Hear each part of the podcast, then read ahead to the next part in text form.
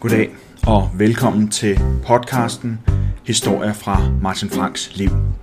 En semi-narcissistisk podcast indeholdende historier fra Martin Franks liv. Jeg skal starte med at sige, at podcasten her er sponsoreret af Magnus Nisse, der overhørte en samtale om, at Magnus gerne vil have en podcast om Martin Franks liv. Så her kommer altså endnu en Martin Frank-historie. Dagens historie handler om dengang Martin Frank var til rodeo. Og jeg skal starte med at sige, at det her jo ikke er en, en turistet rodeo, hvor, hvor der lige er samlet lidt køer på en mark, og så er der nogen, der, der sidder på ryggen af dem, og det er meget sjovt. Det her var the real deal. Det her var selvfølgelig i forbindelse med, at jeg boede i USA og periodevist var i Houston. Sådan en god måned om året var jeg i, i Houston. Og en af gangene, jeg var der, var altså rodeo season. Og øh, det er bare kæmpestort i i hvert fald i Texas. Ikke så meget i USA, men lige præcis i Texas og de der andre lidt øh, øh, stater med lavere intelligens, eller lavere, undskyld, fysisk beliggenhed i USA. Så i forbindelse med, at jeg var dernede der, så skulle jeg selvfølgelig med en kollega ind og se rodeo. Og det er altså en oplevelse for livet. Det er jo lige så stort som de største FCK versus Brøndby kampe herhjemme. Det er sådan, altså hele byer flokkes jo til. Og Houston er i forvejen en relativt stor by. Og det her rodeo, det bliver altså så holdt i det, der hedder NRG Stadium. NRG Stadium er et, øh, et, et American Football Stadium, hvor, øh, hvor Houston, whatever the fuck det hedder, holder til. Og øh, det, er, det er altså det 10. største stadion i, øh, i USA. Det, øh, det, det rummer lige omkring 72.000 mennesker eller sådan noget. Det er vanvittigt stort. Og det er altså, det er altså her, at, øh, at der, var, der blev afholdt rodeo, og det er det var, det var helt øh, crazy med, med Tivoli ude foran, med pariserhjul og cheerleaders og folk, der kom flokkes til fra hele Texas. Altså det var kæmpe, kæmpe stort. Og jeg var i total omvendt land. For det første har jeg fået at vide, at jeg må ikke have mit eget tøj på. Jeg går normalt i skjorte og dresspants, fordi jeg arbejder på kontor, og det gjorde jeg også der. Men det her, det var simpelthen bare no-go. Jeg blev nødt til at have et par jeans på, jeg blev nødt til at have et par støvler på, og så blev jeg sørme også nødt til at have en rigtig, rigtig flot cowboyderhat på. Og den der grimme cowboyhat, det var egentlig det sådan mest normale ved det outfit, fordi alle har set en grim cowboyhat og tænkt, nå, han er nok på vej til Halloweenfest, eller også han virkelig, virkelig fuld eller hjemløs. Men her, der var det altså bare alle, der havde de der åndssvage cowboyhats på. Og det dumme, det var så faktisk i virkeligheden de der støvler. Fordi det var ikke gummirøjser, eller du ved, et eller andet sådan pænt læder, et eller andet halløj. Det var total pinata-lignende feststøvler med de høje hæle, og paljetterne, og hele lortet. Jeg tænkte bare, det der, det ligner noget, som Elvis Presley og en syg cowboy har fået øh, lavet. Det var så hjernegrimt, som man overhovedet ikke fatter det. Det var så sindssygt. Men okay, jeg fik det der på, og jeg tænkte, jeg ligner en idiot. Jeg ligner en kæmpe idiot. Og vi, kommer, vi ankommer til det her rodeo-stadion, øh, og så kan jeg bare se, at alle har jo det her på. Alle render rundt og ligner total idioter. Altså, det var, bare Terence Hill og Bud Spencer parodier alle steder. Det var så vanvittigt.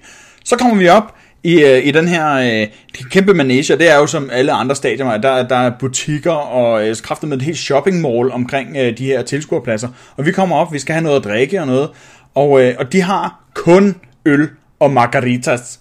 Og det var bare sådan, ja, okay, come on. Når man nu, som jeg, har øh, det, der hedder intakte smagsløg, og ikke drikker det der pis med brugsøl der, så var det sgu, øh, så var det sgu svært valg, og jeg tænkte, jeg gider ikke at være ham, der står og ligner en total tøs og drikker margaritas til det her meget, meget, skal vi kalde det et macho-event? Det var det lidt. Og jeg var sådan lidt udfordret på ikke at kunne drikke øl der. Så jeg, øh, jeg går op i baren sammen med min kollega der og øh, bestiller så en, øh, Nils Smirnoff Ice, fordi det var cirka, hvad jeg kunne... Øh, og så kigger min kollega på mig, og så siger han, Martin, Martin, Martin, Martin, Martin, Martin, Martin, Martin, Martin, du skal ikke, du skal ikke bestille. Ikke bestille en Smirnoff Ice. Så får du tæsk, seriøst. Og jeg var sådan lidt, nå, okay, hvor man tæsk, hvis man bestiller en Smirnoff Ice, det var måske den lige, ja, du bliver nødt til at gå med det mere macho-maskuline valg, ellers så øh, du simpelthen, øh, du bliver simpelthen nødt til at købe en margarita. Og sådan lidt, undskyld, hvad? En margarita, er det det maskuline valg her? Men det var det så åbenbart. Så jeg fik sådan en, jeg, jeg glemmer det aldrig, jeg fik sådan en rød slåsejslignende drink i sådan et, faktisk i sådan et slåsejsrør, som vi serverer til børn i Tivoli, fordi at forældrene har for mange penge. Og, og det, det, fik jeg bare udleveret sådan, sådan her, der er din margarita, og så var jeg sådan et, seriøst? Er, det, er jeg macho nu, hvor jeg står med det her øh, fucking slåsejsrør og, og, og suger min margarita op her? Smagte så selvfølgelig af helvede til, fordi det var baseret på tequila, men ja, det var simpelthen det sikre valg for ikke at få tæsk i en rodeo-arena. Fair nok. Og vi ser så det her rodeo her, og det er altså den mærkeligste sportsgren. Fordi man, når man tænker på rodeo, så tænker man jo på den der klassiske med, så sidder der en mand på en tyr, og så bliver han sluppet ind, og så handler det om for ham at sidde så længe som overhovedet muligt. Problemet er bare, der er ikke særlig mange professionelle rodeo-udøvere, så du kan ikke fylde en aften med det. Der, der, er måske, altså der er måske i det hele otte, der kommer ind på en tyr, der går amok i det hele, og de sidder jo 30 sekunder eller sådan noget. Så der er basalt set underholdning til 4 minutter. Og det er ikke særlig meget, når du forsøger at køre reklamepenge ind for en 3-4 timer. Så det der sker, det er, at øh, lige, lige pludselig kommer der alle mulige crazy arrangementer, som skal fylde tiden ud. Så der kommer øh, fire cirkus hestevogne ind og, øh, og køre ræs med hinanden i, sådan, øh, i kanten af der, hvor der plejede at være sådan en løbebane på et stadion. Der har de så lavet en lille racerbane, og så kører der ellers bare et, fire cirkusvogne, øh, hestevogne øh, rundt og det, er, det ser helt crazy ud. Altså det er som i de der, de der hestevogne, som man boede i, når man var en del af et cirkus i gamle dage. Og så er de pyntet med alt muligt crazy. Og så smadrer de bare de der vogne, mens de kører rundt. Og, altså det er jo sådan en total drag race, bare med hestevogne fra, øh, fra 1800-tallet-agtigt. Og lige pludselig så kommer der, så kommer der en container ind, så bliver den åbnet, og så vælter det bare ud med får. Altså, så hele stadion bliver bare fyldt med får. Og så handler det åbenbart om, at, øh, at, at øh, der er nogle børn, der skal ride øh, kapløb på de her får. Og, og de, de hjerner bare rundt, de her små børn, og de kejler, altså de har jo sådan nogle små øh, amerikansk fodboldbeskyttelsesudstyr øh, på, ikke? Så det er bare sådan nogle små klumper, der sidder som sådan nogle trekant ovne, oven på de der får, som bare hjerner rundt, og det er altså, puha, nu, hvis, hvis, man har, øh, hvis man har synes, at det var synd for en hamster tidligere i et tidligere afsnit, så skulle man ikke se det her, fordi det var fuldstændig vanvittigt. Ja, det, det snakker vi ikke om. Men øh, i hvert fald sindssygt, sindssygt meget øh, forsøg på underholdning. Lidt ved siden af i forhold til, hvad jeg synes var sjovt at se på. Men, øh, men ja, det var sådan set fint nok-agtigt. Og det trak lidt i langdrag, og det trak meget i langdrag. Og så var vi egentlig færdige derefter. Og derefter, så skulle vi jo udenfor, hvor de havde sat alle de her food trucks op. Og øh, der var mange food trucks. Der var virkelig mange food trucks. Der var så mange, at jeg ikke, altså jeg nåede ikke at tælle dem. Det var sådan lidt, nå, ja, ved du hvad, jeg stoppede ved 10, og så skider jeg med det. Vi finder noget. Og her blev jeg introduceret for en masse af de øh, ting, som man har hørt om, men aldrig har prøvet. Sådan noget som fried Mars bar, øh, corn dogs, og jeg ved kraftigt ikke hvad. Jeg fik en, øh, jeg fik en Snickers corn dog, og det er lige præcis så klamt, som det lyder. Det er en pølse med majs, dej ovenpå, og så vendt i øh, flormelis og peanuts og karamel, og så med lidt chokolade på. Det var fucking ulækkert. Altså som i, what the... F- en ting er, at polenta pizza bare skal stikke af til Mars og længere væk. Fordi det er fucking klamt. Når du så tager det klammeste fra en polenta pizza, nemlig den der skrøbelige øh, spedalske dej, som du ikke kan holde sammen, fordi den er baseret på fucking majs i stedet for noget ordentligt, det er, øh, så, så smider du det rundt om en pølse, og så smider du slik ovenpå, og så døber det i frityre og chokolade. De er fuldstændig psykopater, de der amerikanere der. Men det fik vi altså sådan lidt, nå, fedt mand. Og jeg havde jo fået en, øh, et slåsejsrør af margarita, så jeg var jo godt kørende. Men, øh, men det der, det var simpelthen, det var jeg ikke, ikke fuld nok til at kunne, øh, kunne værdsætte. Det var for klamt. Men efter at have gylpet den her klamme corndog i os, der, der, der, der, der sluttede aftenen ligesom, så vi kørte, øh, vi kørte retur, og jeg endte tilbage på hotellet. Og her kommer så en lille bonushistorie, fordi det her var tilfældigvis den sidste gang, jeg var i Houston. Jeg havde planlagt, at nu skulle jeg flytte tilbage til Danmark, og det vil sige, at der var nogle kulturelle ting, som jeg synes, jeg blev nødt til at have oplevet, inden jeg tog derfra.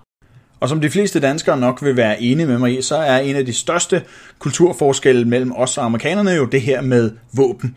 Så det måtte jeg selvfølgelig prøve, inden jeg tog derfra. Og jeg aftalte med min kollega, at nu skulle vi så, at han skulle hente mig på hotellet, og så kørte vi ud til en af de her shooting ranges, som er alle steder i Houston. Altså det er sådan, at du kører 100 meter, og så er der en ny-agtigt. De er rigtig mange forskellige steder. Han havde en, som han normalt kom i, og han, min kollega der, var gammel marine soldat, så han vidste godt, hvordan man brugte diverse våben, og han var rimelig easygoing i forhold til at introducere mig til forskellige håndvåben. Og det er jo sådan noget, det er ligesom at gå ind i en, øh, en, en netto, og så sige, nå, øh, hvad for noget is skal jeg have i dag? Og så kigger man på 10 forskellige slags, bare med håndvåben, og øh, en lige så uengageret øh, medarbejder. Det var sådan noget, så, så kiggede vi, jeg har ingen forstand på det der, men vi kiggede i hvert fald på sådan noget som en Colt, for eksempel, eller jeg ved ikke, hvad det hedder. Og så øh, fandt vi en god start håndvåben. Det synes jeg også var fedt. Det var sådan, ja, det er ligesom en trehjulet cykel. Det er sådan en god egentlig at starte med, hvis nu man aldrig har, du ved, dræbt nogen før. Men øh, det skulle jeg da i hvert fald lige prøve, og vi fik patroner, og vi fik den der øh, gun for lov til at lege, og vi fik nogle skydeskiver, vi kunne skyde efter, og så gik vi ellers ind på den her shooting range. Og jeg er ikke forberedt på, hvad der skal ske her. Men, øh, men det er min soldatkollega jo selvfølgelig. Der er ikke nogen problemer der. Han introducerer os til, hvordan du får magasinet ud af den her pistol, hvordan du skyder de her, øh, ikke skyder, men hvordan du trykker de her patroner ned i, stille og roligt, og, øh, og hvordan du så affyrer våbnet til sidst. Og jeg er ikke 100% tryg ved ting, der kan springe i luften. Og jeg ved jo, at det er sådan, patroner fungerer, at du trykker på en lille knap, og så springer lortet i luften og fyrer en, en blykugle afsted. Det er det, der sker. Bare lidt kontrolleret. Og øh, øh, jeg, jeg var ikke sådan helt 100 på, hvor, hvor, hvordan det så fungerede, når man, altså når man trykkede på hinanden, fordi at der sidder en fjeder af de her kamre, eller de her magasiner, som du skal trykke ned.